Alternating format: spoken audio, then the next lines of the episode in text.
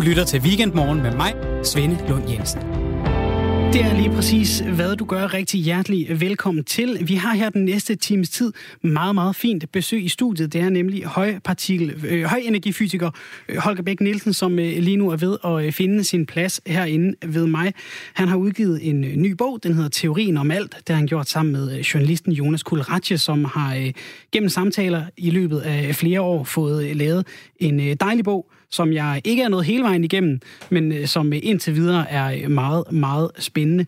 Det handler blandt andet om øh, Holgers jagt, mangeårig jagt på, øh, på teorien om alt. Og Holger, kan du høre mig? Ja, det kan jeg godt. Perfekt. Jamen skal vi så ikke bare køre uden øh, hørebøfferne? Holger, tillykke med bogen. Ja, tak. Den hedder Teorien om alt. Ja, Og det er måske lige- Det er lige for prætentiøst i virkeligheden. Øh, det kunne også være jagten på de grundlæggende naturlove. Men så, så kan man jo føre jagten, og så behøver der ikke at blive skudt et eneste dyr eller en eneste teori fanget. Så og det- det... det er måske tættere på, fordi det er jo ikke sådan, at man øh, skal tro på de teorier. Der er meget af det er, er mine teorier øh, øh, og, og mine medarbejderes, og man skal jo ikke øh, Øh, tro på det. Der er nok mange, der ikke tror på det af kollegerne. Men jeg håber, det fremgår af bogen, at noget af det er fortalt af, hvad andre har lavet, og noget af det er vores eget, og man ikke skal tro på det sidste. Men hvis vi gengiver noget, der er almindelig tro, så håber jeg, at, at, at man forstår, at det er rigtigt, og skal vi tro på. Og det skal vi tro på. Holger, det, noget af det, du siger her, det er, at vi skal ikke tro på, på mange af de her teorier, og, og, og det jo må være sådan, det er at arbejde som, som professor på den måde, du arbejder på, at man prøver en masse ting af, som ender med at fru, være frugtesløse. Ja, netop. Ja, ja, det, ja, det er rigtigt, ikke? Så, så det bliver bare sådan nogle matematiske øvelser, eller et eller andet, ikke sandt? Hvor skuffet bliver man, når noget, man har arbejdet med i nogle gange meget lang tid, ikke bliver til noget? Altså, kan man, kan man blive helt glad for sine formler, som så falder til jorden til sidst? Ja, det kan man godt. Nu er det jo ikke sådan, de falder, for de vil jo som regel ikke have været så troværdige fra begyndelsen. Så det behøver jo ikke at være noget chok. Det er sjældnere. Har det så været forgæves, de øvelser, man har gjort sig? Det behøver det jo ikke engang at være, fordi der kan jo godt være nogle, altså hvis man laver nogle beregninger eller nogle argumenter, de kan jo godt stadig være rigtige, så man kan se, øh, man kan måske også lære noget af, øh, hvad, hvad der så er forkert og, og, øh, og, og sådan, så det behøver det jo ikke at være. Øh, Det kan være svært at vide, hvad sådan nogle øh, studier kan være nyttige for senere hen. Det behøver man jo ikke engang at vide, for det kunne være nogle andre, der prøver noget lignende, og så Og det må være meget har en det, anden form for uheld. og det må være meget af det arbejde, du sidder med, at så er der nogen, der finder på noget, og så er der andre, der bygger ovenpå. Kan du tale lidt om, om det der øh, øh, verdensomspændende samarbejde, I forskere har? Fordi det lyder ja, til, at du kender en masse mennesker.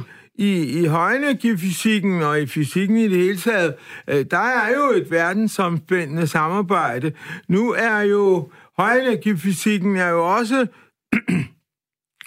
domineret af disse meget store øh, acceleratorer, som man har. Nu om dage vil jeg tale mest om, om, øh, mm, om LHC, Ja. Large Hadron Collider, fordi den er den øh, dominerende i dag, men der findes en masse forskellige... Og det er den, der er gravet ned nede i Schweiz. Ja, Yes.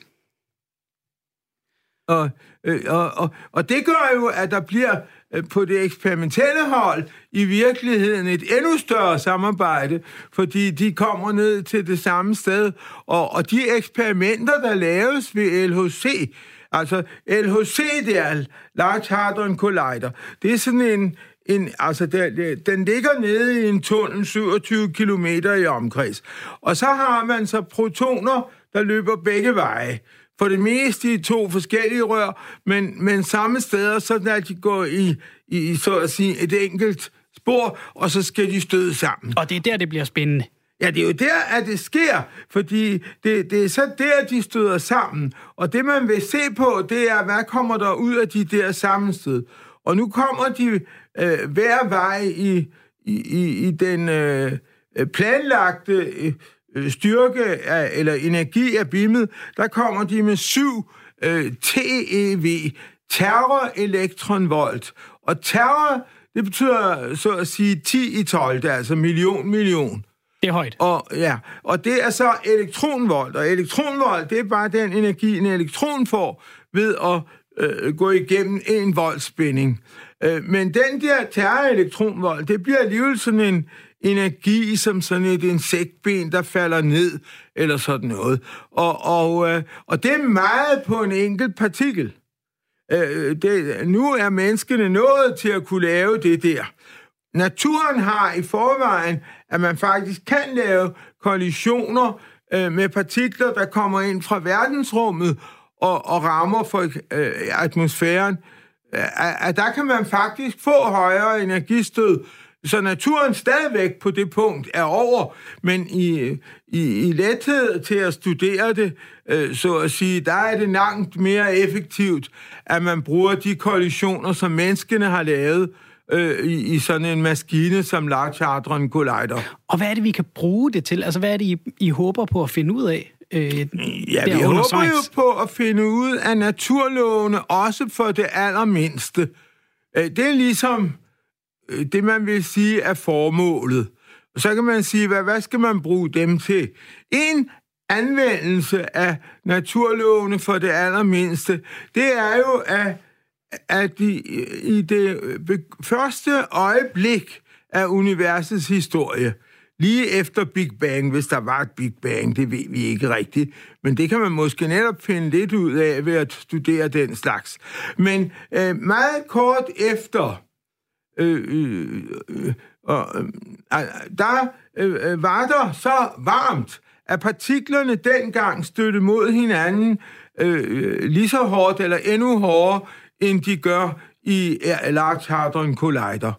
Øh, jeg tror, at Large Hadron Collider-energien øh, øh, i disse temperatursammenstød, det var omtrent Øh, tilfældet, da universet var så at sige 10 i minus 12 sekund stort. Altså en milliontedel, milliontedel af et sekund. Så det var faktisk meget tidligt. Så, så det meste af tiden, om man så må sige, at dette univers, der er 13,6 øh, milliarder år øh, gammelt, der var det øh, meget koldere, og der var, var disse her LHC sådan set ikke nødvendigt for at studere eksakt det, der foregik dengang. Undtagen, hvis der var udvalgte steder, hvor temperaturen kommer op. Som, som nede i acceleratoren, når man laver disse øh, kollisioner. Eller i den kosmiske stråling, når partikler kommer ind ude fra universet og støder til atmosfæren. Og vi kan jo trække en direkte streg fra den her Large Hadron Collider under, under Schweiz og, og lidt andre lande dernede i, i CERN, og så direkte tilbage til, til Big Bang, fordi det man jo så håber at finde i CERN, det er den her Higgs-partikel, som er blevet kaldt Gud-partiklen. Men det er ligesom navnet på din egen bog. Det er også misvisende, at den hedder det, eller bliver kaldt det. Ja, det er misvisende, ja. Hvorfor det?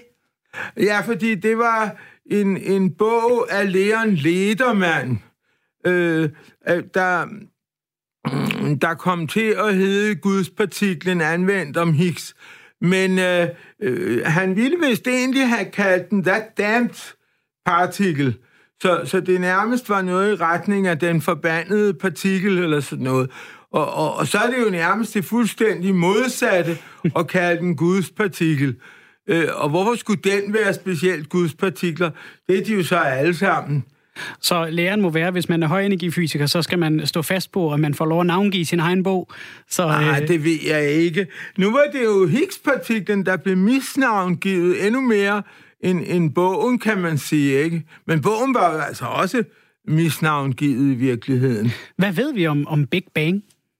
Ja, vi ved jo en hel del om Big Bang, men ikke den allerførste singularitet ligger nok en lille smule øh, tåget, fordi øh, når man øh, øh, det man øh, studerer i dag, øh, det er jo blandt andet mikrobølge baggrundsstrålingen. Det er sådan noget stråling, der ikke er ret langt i, i, i bølgelængde øh, fra det, man bruger til at se fjernsyn, eller sende fjernsynssignaler ud. Det er sådan en bølgelængde, nogle centimeter, men, men det er et ret bredt spektrum, man kan undersøge. Og, og ved hjælp af satellitter især, øh, øh, øh, kan man så undersøge, hvor meget af øh, stråling, der kommer i det her område fra forskellige øh, retninger. Og øh, øh, der er det så, at en dominerende kilde til den stråling, det er noget, der kommer fra den gang, øh, øh, universet så at sige blev gennemsigtigt. Og det gjorde det dengang, da, da elektronerne satte sig fast på atomkerner øh, og dannede atomer. Og, og, og det skete sådan omkring øh, 307, øh, 370.000 år efter øh, starten. Så, så det var altså Øh, øh, øh, det var altså, i forhold til den alder, som universet har nu, 13,6 milliarder år, så er, er, var det jo en meget kort tid. Så i, i, efter at denne her relativt til universets alder korte tid, der, øh, der, øh, øh, der, der blev den plasma, man havde, så at sige, hvor man havde elektroner og kerner løb imellem hinanden. Og det vil sige, at man havde frie elektroner. Øh, men de frie elektroner satte sig så omkring denne her tid fast. Og nu er det så sådan, at de frie elektroner, de vekselvirker meget stærkt med lys. Og derfor kunne lys så at sige ikke gå igennem. Så derfor var denne her nærmest tåget eller uigennemsigtig. Men så når de sætter sig fast på atomerne, og vi får rigtige brintatomer, rigtige heliumatomer, øh, det var stort set kun de lette grundstoffer, der var dengang, så, øh, øh så vil disse her øh, øh, så vil lyset lettere kunne gå igennem. Og så bliver stoffet i virkeligheden gennemsigtigt. Og det vil sige, at så kommer det lys, øh, øh, der, øh, der, der er omkring dette tidspunkt, øh, øh, øh, gulglødende lys, øh, det kommer så til at løbe ud i rummet, og efterhånden som universet udvider sig, for det øh, gør det, gjorde det også dengang, og det gør det stadigvæk, øh, så bliver denne her gas tyndere og tyndere, så det bliver sådan set lettere og lettere for lyset at gå igennem. Og, og så løber lyset, men da nu universet udvider sig, så bliver faktisk den bølgelængde af lyset, øh, som man har, den bliver også udvidet. Så det lys, der først havde en kort bølgelængde svarende til synligt lys, øh, da den blev frigjort der, øh, den kommer så... Mm, det kommer så efterhånden til at blive øh, øh, en slags radiobølger af længere bølgefrekvens. Og en, og en dominerende frekvens er i dette her en centimeter område øh, i dag. Og det har man så været i stand til at se. Og det vil sige, at nu kan man se, om der er lidt koldere et sted og lidt øh, varmere. Og, og det viser sig, at, at, at der er ret små forskelle. Men alligevel har man været i stand til at måle disse forskelle, og på den måde kan man få idéer om, var der lidt forskelligt fordelt øh, tæthed af stof dengang. Og det kan man så føre tilbage til en tidligere periode og forsøge at ekstrapolere og forstå øh, til den tid. Og, og, og den periode, man øh, så øh, øh, formoder, man kommer tilbage til efter de mest, øh, den mest troværdige, det er også kaldet en standardmodel. Mm-hmm. Så der er sådan ligesom i virkeligheden to standardmodeller. En for kosmologien, som er hvordan øh, Øh, øh, kosmologien er lavet, og en anden standardmodel for mikrofysikken eller for fysikken i, i det hele taget, og, og, øh, øh, og den er også kaldet standardmodellen. Og, og det er den sidste, tror jeg, der er meget øh, virker meget godt. Kosmologien har også nogle små problemer. Så de har begge to nogle små problemer. Øh, men den periode, man nu har nogen tjek på, det er så en periode, der hedder inflationsperioden. Ja. Og i den udviklede universet sig meget, meget hurtigt over meget kort tid. Og hvornår er og det? blev meget stor. Ja, det, det, det, øh, det ved man ikke nu. Øh, jo, det tror jeg godt, man i hvert fald har gode gæt på. Okay. Men, øh, men, men det var et eller andet frygteligt 10 minus nogen 30 eller det sådan noget. Det giver ikke mening med øh, almindelige tal. Øh, øh, sekund. Øh, det var meget, meget, meget kort. Og, øhm, øh, og, og, og, og der udvidede universet sig meget, meget hurtigt. og, og, og det, øh, gennem, det, det udvidede sig sådan, at, at det, der havde størrelse som et atom eller sådan noget før udvidelsen, det ville være spredt til noget, der var øh, for eksempel af størrelsesorden som vores solsystem eller sådan noget. Så det var virkelig en meget kraftig eksplosion. Og når vi nu er ved universets oprindelse, så er der jo også andre bud på, hvordan verden starter, blandt andet i, i religionerne. Der er kommet en sms, Holger, et spørgsmål. Øh, der er en lytter, der gerne vil vide, det er Hans fra øh, 2300S, det er et sted i øh, hovedstaden. Er du et troende menneske, Holger? Og i så fald, hvad tror du så på? Ja, altså, øh, øh, øh, vi skal jo nok tro på sådan noget. Vi har nok brug for det for, for, øh, for mm, sådan lidt af moralske grunde og sådan noget, og, og for trøsten øh, i, i det.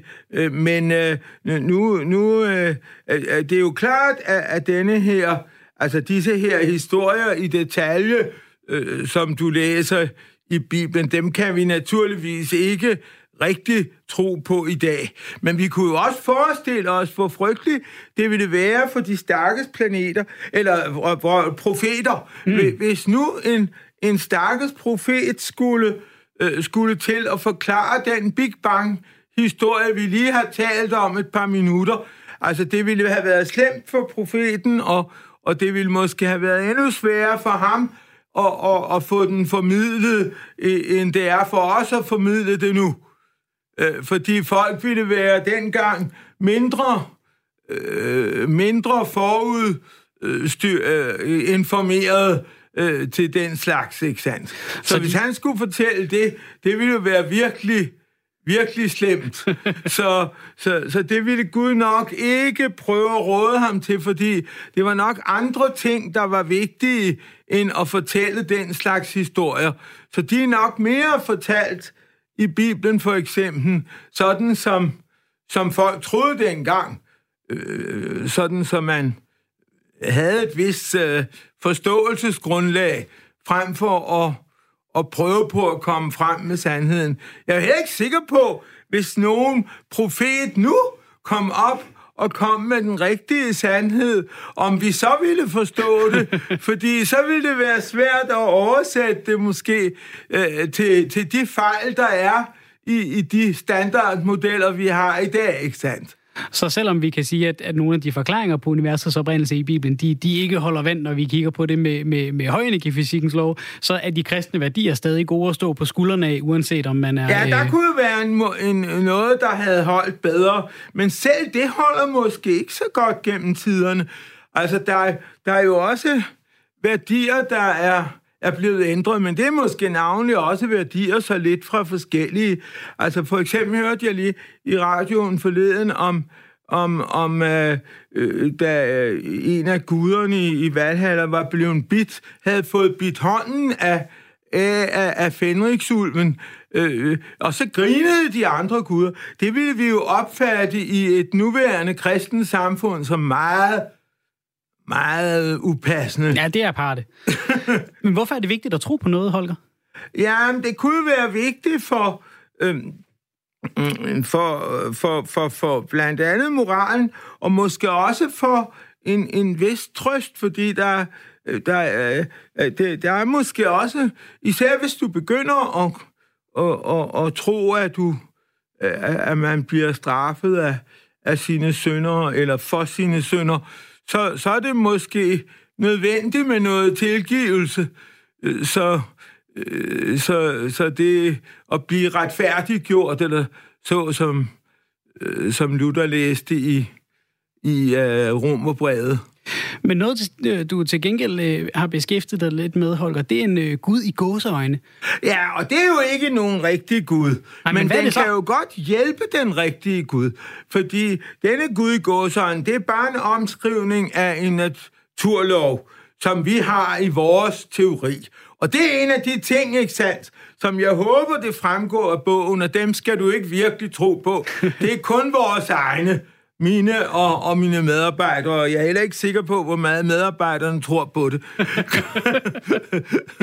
Men den her, den her Gud i gåsøjne, som kan gribe ind fra fremtiden, vil du prøve at forklare det?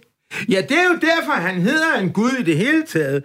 Det er jo fordi, han kan så at sige styre øh, universet frem mod en bestemt fremtid, eller i hvert fald en fremtid, øh, der har nogle træk, som han nu måtte være interesseret i.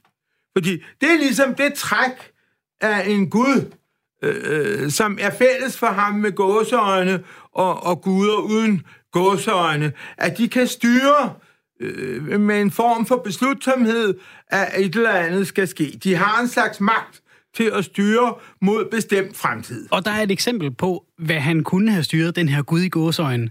Ja, altså jeg... jeg det er kommer, kun en teori. Jeg kommer altid med øh, et eksempel om en... Ja, jeg var lige ved at sige en stakkels øh, accelerator, der hed SSC, Superconducting Super Collider, og, og den lå i Texas. Og nu siger jeg det i datid, fordi ja, den ligger der sådan set stadigvæk, men den fik det uheld, at dens øh, bevillinger blev lukket. Men nu må jeg så hellere øh, øh, fortælle et... Øh, ja, øh, den, den blev lukket. Det er jo netop nu, vi fejrer øh, denne... Øh, murens fald, groft sagt. Mm-hmm. Og, øh, og det var faktisk nogle historikere, som mente, at grunden til, at denne her accelerator, som hed SSC, altså Superconducting Super Collider, og som jeg faktisk var over at besøge, mens den øh, var under konstruktion, øh, at, at, at den kom galt afsted i kongressen, at det var faktisk, fordi Sovjetunionen kollapsede, og, og, og det er derfor netop den tid, der omkring da, øh, øh, da muren faldt, at, at det skete. Og, øh, Så det, det teorien er, at den her gud i gåsøjne, ja. han orkestrerer Sovjetunionens fald, for at den her superconducting supercollider ikke skal få lov til at undersøge det, den vil I undersøge. Ja, ja. Det var det, han gjorde. Og, og, og, men det er en meget langt uddel af teorien, fordi ikke bare skal vi nu have det, som måske er det mest kontroversielle i den teori, at der overhovedet er en sådan naturlov, som kan øh, øh styre os mod en bestemte træk ved fremtiden. Men også så den detalje, at øh, det faktisk er Higgs-feltets kvadrat, øh, der skal minimeres. At det faktisk er Higgs-partiklerne, der tæller sådan at man groft kunne sige, at denne Gud i gåseøjne, så at sige, hader Higgs-partiklen, og ikke vil have, at der bliver produceret Higgs-partikler. Så, så det er det, han interesserer sig for i ja. første tilnærmelse. Ja. Øh, og hvis han gør det, så vil han jo skulle stanse de maskiner, som menneskene laver, der producerer Higgs-partikler. Og øh, øh, den øh, var netop, hvad denne her superconducting supercollider i Texas skulle kunne gøre. Den ville have produceret en masse Higgs-partikler, og, og derfor øh, så var det virkelig en gevinst for denne Gud i gåseøjne, i den forstand, at han fik reduceret antallet af Higgs-partikler, altså i dette tilfælde på jorden, men det bliver jo så antallet af Higgs-partikler i hele verden, fordi hvis, det kom, så må han finde på, hvad han gør andre steder. Mm. Og de her, de her Higgs-partikler, det, det var jo så dem, de ville lave i den her superconducting supercollider. Og den her teori om guden i gåsøjnen, den bliver født mellem SSC og LHC, Large Hadron Collider Ja, det kan i du Schweiz. sige, at vi fandt på det. Og, så der er noget og, og så derfor, så kunne jeg være på morgen-tv, den gang, da Large Hadron Collider skulle starte op. Og der kunne jeg så uh, uh, fortælle om denne teori, og om det der uheld, som Superconducting Super Collider havde haft. Og nu måtte vi jo så nærmest i analogi vente, at det skulle gå galt med Large Hadron Collider. Large Hadron Collider er en lille smule mindre en Superconducting supercollider, hvis den skal sammenlignes med planerne for den. Så på den måde vil, vil i første, øh, på grund af energien er mindre, vil der i i, i første omgang kunne tænkes at komme noget færre Higgs-partikler, men så er der også teknikker om, hvor mange protoner du skyder imod hinanden. Så i virkeligheden, i det lange løb, skal Large Hadron Collider nok nå op på noget lignende. Og det her, det er det, vi kalder en teaser, Holger, vi fortsætter på den anden side af nyhederne. De kommer her med Anne Philipsen. Og jeg starter med at fortælle, at sundhedsminister Magnus Heunicke fra Socialdemokratiet vil kigge på udenlandske lægers sprogkundskaber nu. Det er nemlig et problem, siger han, at man som patient kan møde læger, der taler så gebrokken dansk, at man ikke forstår, hvad der bliver sagt. Og derfor så vil han indføre et decideret sprogkrav, som alle udenlandske læger skal leve op til for at få arbejde på et dansk sygehus, det skriver DR. I dag er reglerne sådan, at sygeplejersker og læger fra EU-lande, de kan få arbejde i Danmark helt uden nogen krav til deres dansk kundskaber. Hvis de kommer fra et land uden for EU, så skal de bestå en test, men den test har før fået kritik for, at den kun viser, om man kan læse og skrive dansk, og altså ikke viser, om man rent faktisk kan føre en samtale på dansk. Magnus Heunicke har ikke lagt sig fast på, hvordan man skal sikre, at lægerne og sygeplejerskerne og de andre medarbejdere på sygehusene kan tale et let forståeligt dansk, men han siger til DR, at han vil indkalde danske regioner til et møde for at finde ud af, hvordan man kan lave et sprogkrav til personalet, der både giver mening for patienterne og for sygehuset. Socialdemokratiet i København vil have flere muligheder for at kunne sætte ind for, over for bolighajer nu. Det skriver politikken. De københavnske socialdemokrater foreslår blandt andet at skrue op for bøderne, når boligspekulanter taber, taber sager i huslejenævnet igen og igen. De vil også gerne lave en kampagne for at få flere til at føre sager i huslejenævnet, og så vil de gerne gøre det lettere og hurtigere for lejere at føre de her sager. På fem år er det blevet 31 procent dyrere at bo til leje i en toværelseslejlighed i København, skriver DR. Og der er flere eksperter, der peger på, at det blandt andet skyldes, at der er flere udenlandske selskaber, der har købt en masse ejendomme, og det er altså med til at presse prisen i vejret. Udspillet kommer, mens regeringen faktisk er i gang med at forhandle med flere partier om at indsnævre mulighederne for, at boligudlejere skruer huslejen i vejret, når de har renoveret en bolig. Vi skal også et smut forbi Tyskland, hvor millioner af tyskere fejrer årsdagen for Berlinmurens fald i dag. Og det er en dag, der betyder meget for mange tyskere. Det vurderer Lykke Friis. Hun er korrespondent i Tyskland for Berlingske helt overordnet, jamen så er tyskerne jo opvist om, at den øh, begivenhed, der fandt sted den 9. november 1989, var en, en lykkesdag, øh, hvor det var sådan, at man fik demokrati, man fik frihed, men selvom mange tyskere er glade for at mindes dagen i dag, så er splittelsen mellem Øst- og Vesttyskland ikke helt væk, mener Lykke Friis.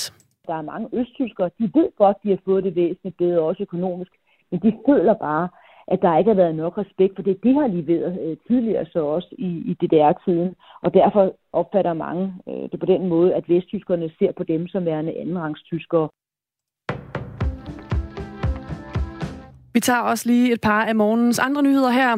Seks af EU's større nationer presser på nu for at få et nyt tilsyn, der skal forhindre hvidvask i en fælles erklæring, der kræver Tyskland, Frankrig, Italien, Spanien, Holland og Letland, at EU enten får en ny tilsynsmyndighed, eller at det nuværende tilsyn bliver styrket. Hvidvask kom helt op i toppen af dagsordenen i EU i sidste, sidste år, efter en sag om mulig hvidvask for milliarder af kroner i Danske Bank kom frem.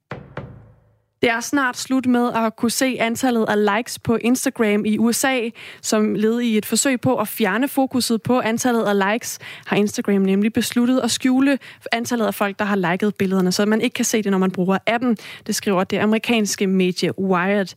Instagram, Instagrams direktør Adam Mosseri siger, at ideen er, at det skal skabe mindre pres hos brugerne på Instagram.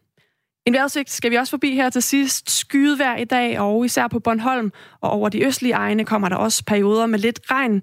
Temperaturen ligger omkring 7 grader, og så får vi svag til jævn vind. Du lytter til Weekendmorgen med mig, Svende Lund Jensen. Og med mig i studiet har jeg stadig den danske højenergifysiker Holger Bæk Nielsen. Holger, der er kommet et øh, par øh, spørgsmål til dig øh, her, mens vi har sendt, og det kan man altså stadig være med til. Og stille spørgsmål til Holger Bæk Nielsen, hvis man lige har et eller andet, man gerne vil have svar på, så må vi se, om vi kan svare. Det er jo med det forbehold. Det vil det altid være. Du kan sende en sms til 1424, indlede beskeden med ad R4 og så mellemrum. Er fire mellemrum til øh, 1424. Det er Carsten Werner, der spørger øh, Holger. Jeg ved, spørgsmålet her virker ret mærkeligt, men Holger Bæk vil forstå det. Tror du, at det muligvis er menneskehedens opgave at konstruere en vakuumbombe og derved genstarte et nyt Big Bang med venhilsen Carsten? Ja, den teori har jeg snakket om. Øh, øh, øh og, og det kunne jo godt være rigtigt, fordi nu har vi jo lige øh, før radioavisen snakkede om øh, øh, denne her Gud i gåseøjne, som øh, interesserer sig for fremtiden.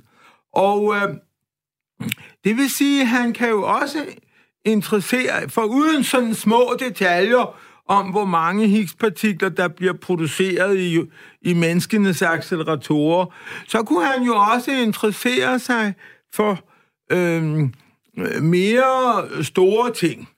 Og øh, en af de øh, øh, tanker, øh, som vi forbinder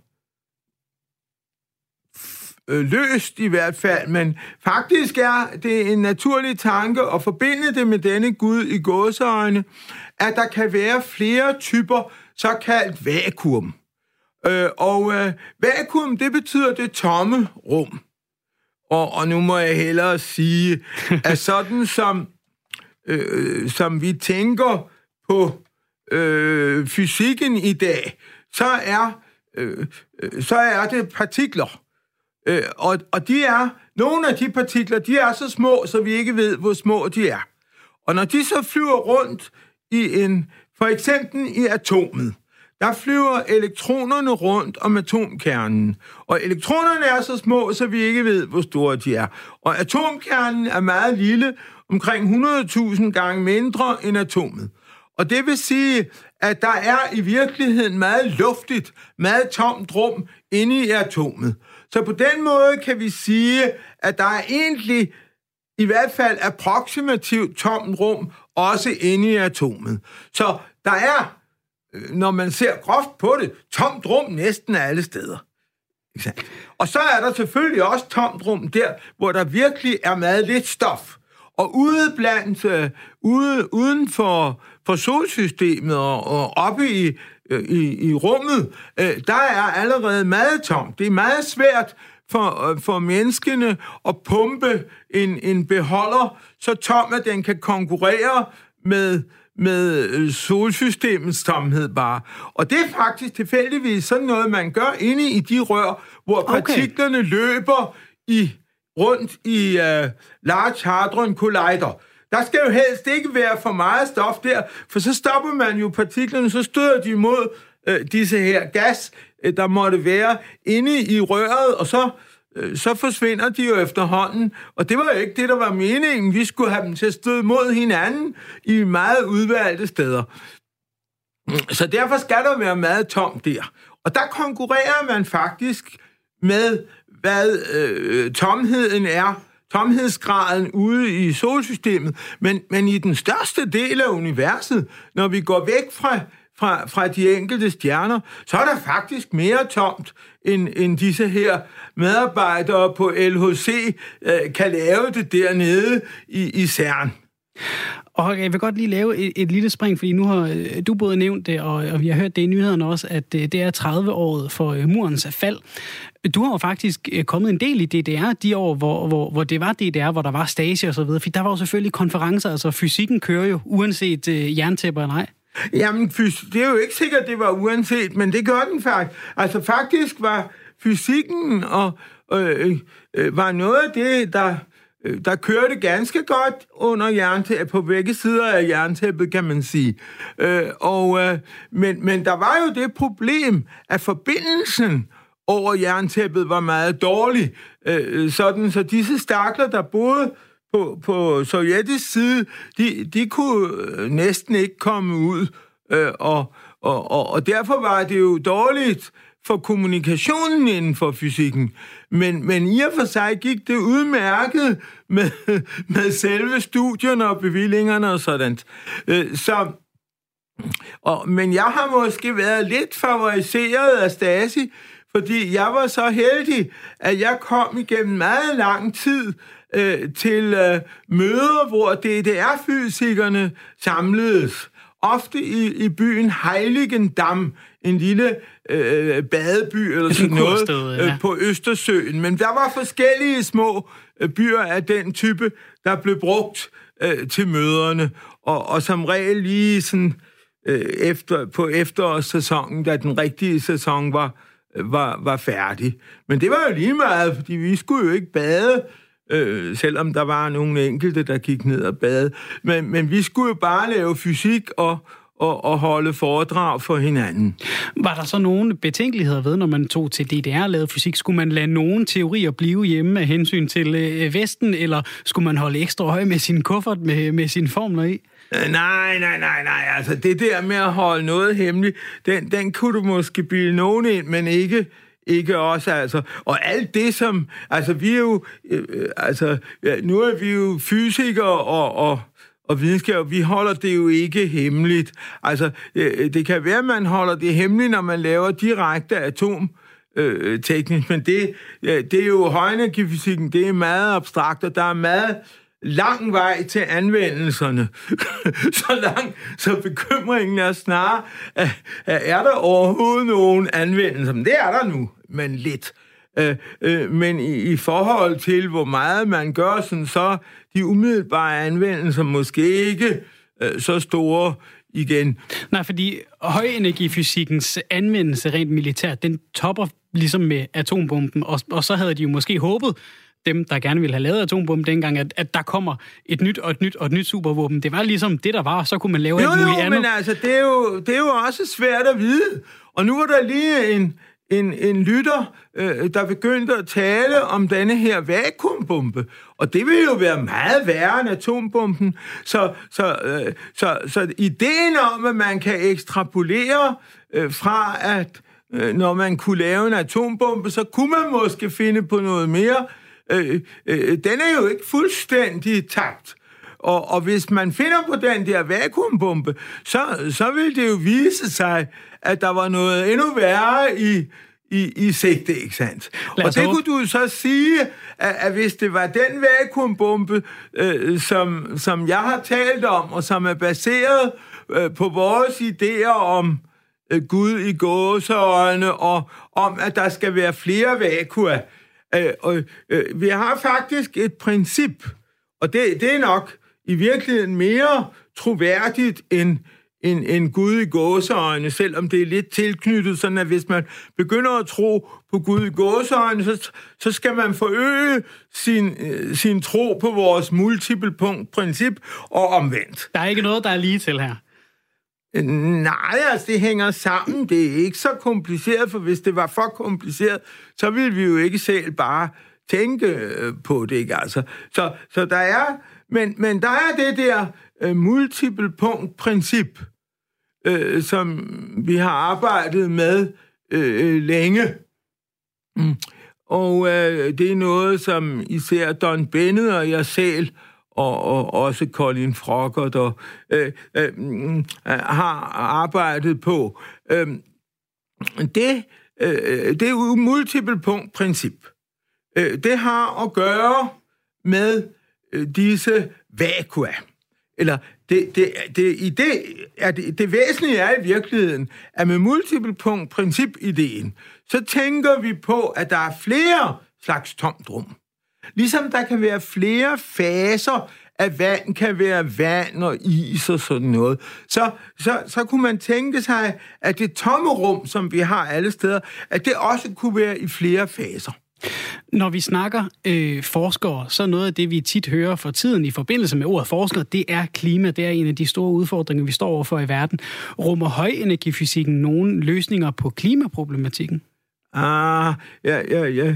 ja, ja nu tror jeg ikke, jeg kan komme i tanker om noget overbevisende lige på stående fod.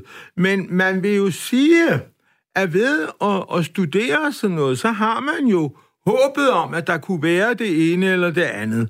Og hvis vi skal tage noget, der ikke er så overbevisende, så kan det jo godt være, at, at man ved at bruge vores model for det sorte stof, som jeg slet ikke er kommet ind på endnu, men som er sådan nogle små perler på nogle få centimeter størrelse.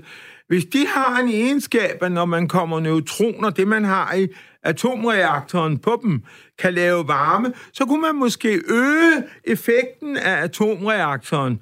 Men det er jo også for øvrigt klart, at, at, at man kan øh, nedsætte CO2-forbruget ved at bruge atomkraft. Det har vi jo vidst længe, og det bruges i praksis og lige præcis det har der kommet et spørgsmål om. Det, det er en lille smule lavet spørgsmål, det tager vi med.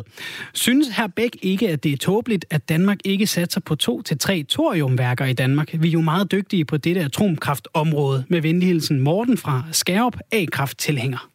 Ja, men, men, men der skal man jo nok passe på, at der er meget alvorlige problemer med, øh, med alle slags atomkraft, ikke sandt? Men, men der er selvfølgelig også, øh, der er forskellige muligheder, man kan drømme om, at, at man kan gøre det bedre. Øh, men jeg tror, at at, at man skal nok i hvert fald udsætte det så meget som muligt, øh, indtil man er sikker på, hvilke øh, enorme problemer man får i, i lang, lang fremtid, selv med, øh, med meget favorable teknikker. Øh, men men det, det er jo noget, der arbejdes med og kan arbejdes med. Og det er jo også noget, hvor der for eksempel er... Øh, øh, der var nogle tanker ja, øh, man har om, at man kunne man kunne bruge en sådan lille højenergiaccelerator med en meget stor intensitet af partikler, og så kunne man forsøge at få den til at holde en øh, atomreaktor i gang, uden at re- atomreaktoren blev, blev overkritisk nogensinde. Og, og, og, og, og så kunne man da hjælpe med netop at få øh, øh, anvendt også øh, thoriumer og, og det andet, sådan at man kunne faktisk gøre adskillige fordele på den måde, fordi sådan en højenergiaccelerator, den øh, øh, løber jo ikke løbsk. Det kan den slet ikke. Så, så det ville være, øh, der, der er mulighed for nogle, nogle ting, som kunne påstås at være i virkeligheden højenergifysiske fremskridt. Men øh, man skal jo øh, man, man har måske brug for at gøre noget ved klimaet tidligere, end det bliver tilrådeligt det en, at en, gøre sådan noget. En mere sidste udvej, end det er nu udvej. Holger, der bliver også spurgt fra Aarhus. Hvad synes du er den mest spændende opdagelse inden for nutidens videnskab? Åh, jamen der er jo sket i vores egen højenergifysik, der er jo sket øh, mange store fremskridt, også i i, i, i, i min tid, ikke sandt? Altså, det, det er jo ikke så længe siden, vi havde den her Higgs, for eksempel. Men... Øh, Øh, og det er stadig forfronten, det er det, de laver nede i CERN. Ja, det er... den, den er jo... Øh, altså med Higgsen, der er det jo øh, sådan, at, at den, blev, denne, den blev exceptionelt godt forstået teoretisk på et meget tidligt, tid, tidligere tidspunkt, end den blev fundet eksperimentelt. Så der var det nærmest en, man fandt, så der var det det sted, hvor det var ligesom teorien, der var foran. Øh, men øh, der er jo også, det er et af de mest spændende områder, jeg selv øh, er stærkt involveret i. Ja. Det er dette mysterium af, af det sorte stof. Ja. Øh, og nu øh, kan man jo også sige, hvornår blev det så opdaget? Jeg skal advare om, Holger, før du giver dig ud i forklaringen om det sorte stof. Vi har 12 minutter tilbage i udsendelsen. Det kan være, at det ikke gør så meget. Jeg har læst i bogen, at tiden er relativ. Men, men endelig, det sorte stof, hvad er det? Ja, det sorte stof, øh, det er noget stof ude i universet, som... Mm, mm, Øh, øh, som man har brug for, for at få de tyngdekraftslove, som faktisk Newton foreslog. Og, og i den forbindelse, der er de ændringer, som, øh, øh, som Einstein har lavet i relativitetsteorien, irrelevante. Det, det, er, øh, det er Newtons tyngdekraft, man tester, og så finder man ud af, at den ikke virker, hvis man stoler på, at der kun er det stof, man ser i stjernerne og i de øh, gasmængder, man ser. Og det vil sige, at enten må man opgive og sige, at der er noget galt med Newtons tyngdekraftslov for store afstande, fordi det er store afstande, det går galt. For små afstande går det fint. Så der må man enten så sige, at der er noget galt med, med tyngdekraften, som vi forstår den i fysikken, øh, for store afstande, eller også må man sige, der er noget stof derude, som vi ikke ser, som ikke består af almindelige stjerner, men består af noget andet. Og det er stadigvæk i dette øjeblik et mysterium, eller altså uafklaret, hvad det er. Og forskellige folk kan have forskellige idéer om det. Og de fleste folk tror ikke på den idé, jeg har. noget, noget af det, du også har en idé om, Holger, det er, noget af det, du, øh, hvad kan man sige, som du er blevet kendt på inden for, inden for fysikken, det er den her strengteori, eller superstrengsteori, som kommer sidst i 60'erne, som bygger på nogle beregninger fra Veneziano. Men du har også snakket om, øh, om øh, dynamisk tiltrækning. Kan du prøve at forklare, hvad det om er? hvad for noget? Øh, dynamisk, dynamisk tilfældighed, undskyld. Ah, Din kæle ikke dynamisk tilfældighed. Nej, dynamisk tilfældighed. Tilfældig dynamik. Tilfældig dynamik, ja. Tak. Ja, øh, men, øh, ja.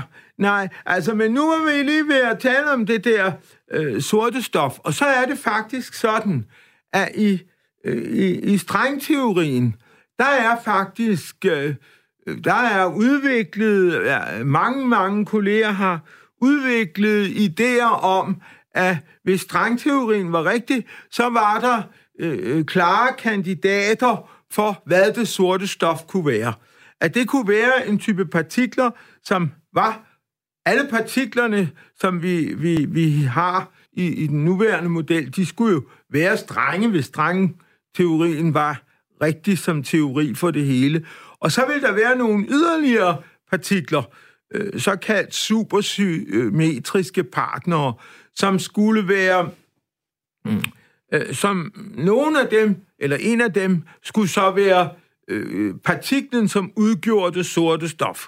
Og den skulle selvfølgelig arrangeres, sådan så den ikke havde elektrisk ladning og ikke vekselvirkede øh, for stærkt med lys osv. Så videre. sådan at den kunne være sort i den forstand, at den ikke øh, øh blev synlig.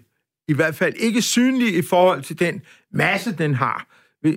Men, men, men der forestiller man sig typisk, at massen af disse her supersymmetriske partnere er øh, små masser, som er et atom eller sådan noget. Men, men i virkeligheden ved man det ikke, så det er sådan en parameter, man kan lidt lege med, hvis man bare kunne måle noget på de der. Øh, og, og man har også kigget efter, om sådan nogle øh, øh strengteoretiske, inspirerede øh, øh, partikler, der kunne bruges for det sorte stof, om, om de øh, nu findes. Og, og der har man så øh, i LHC og så videre været bemærkelsesværdig øh, uheldig, kan man sige, ved at man ikke har fundet dem. Så det store budskab fra eksperimentet er på en måde, at så langt har vi ikke fundet de der. Så det vil sige, de synes i første tilnærmelse ikke at eksistere.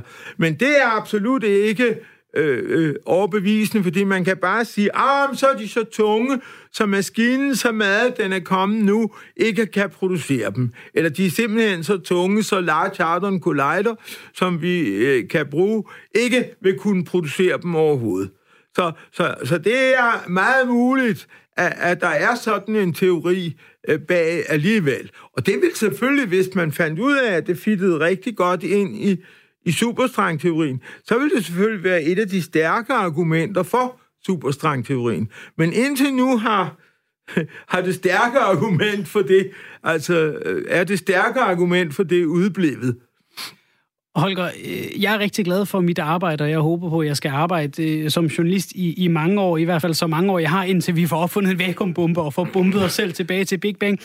Øhm, du har lavet det her i mange år. Hvad er det, der driver dig øh, til at blive ved med at lede og afsøge? Jamen, det er jo interessant. Nu kan vi lige tale om, om dette her, dette her mysterium med det sorte stof. Så der er jo i hvert fald et interessant mysterium.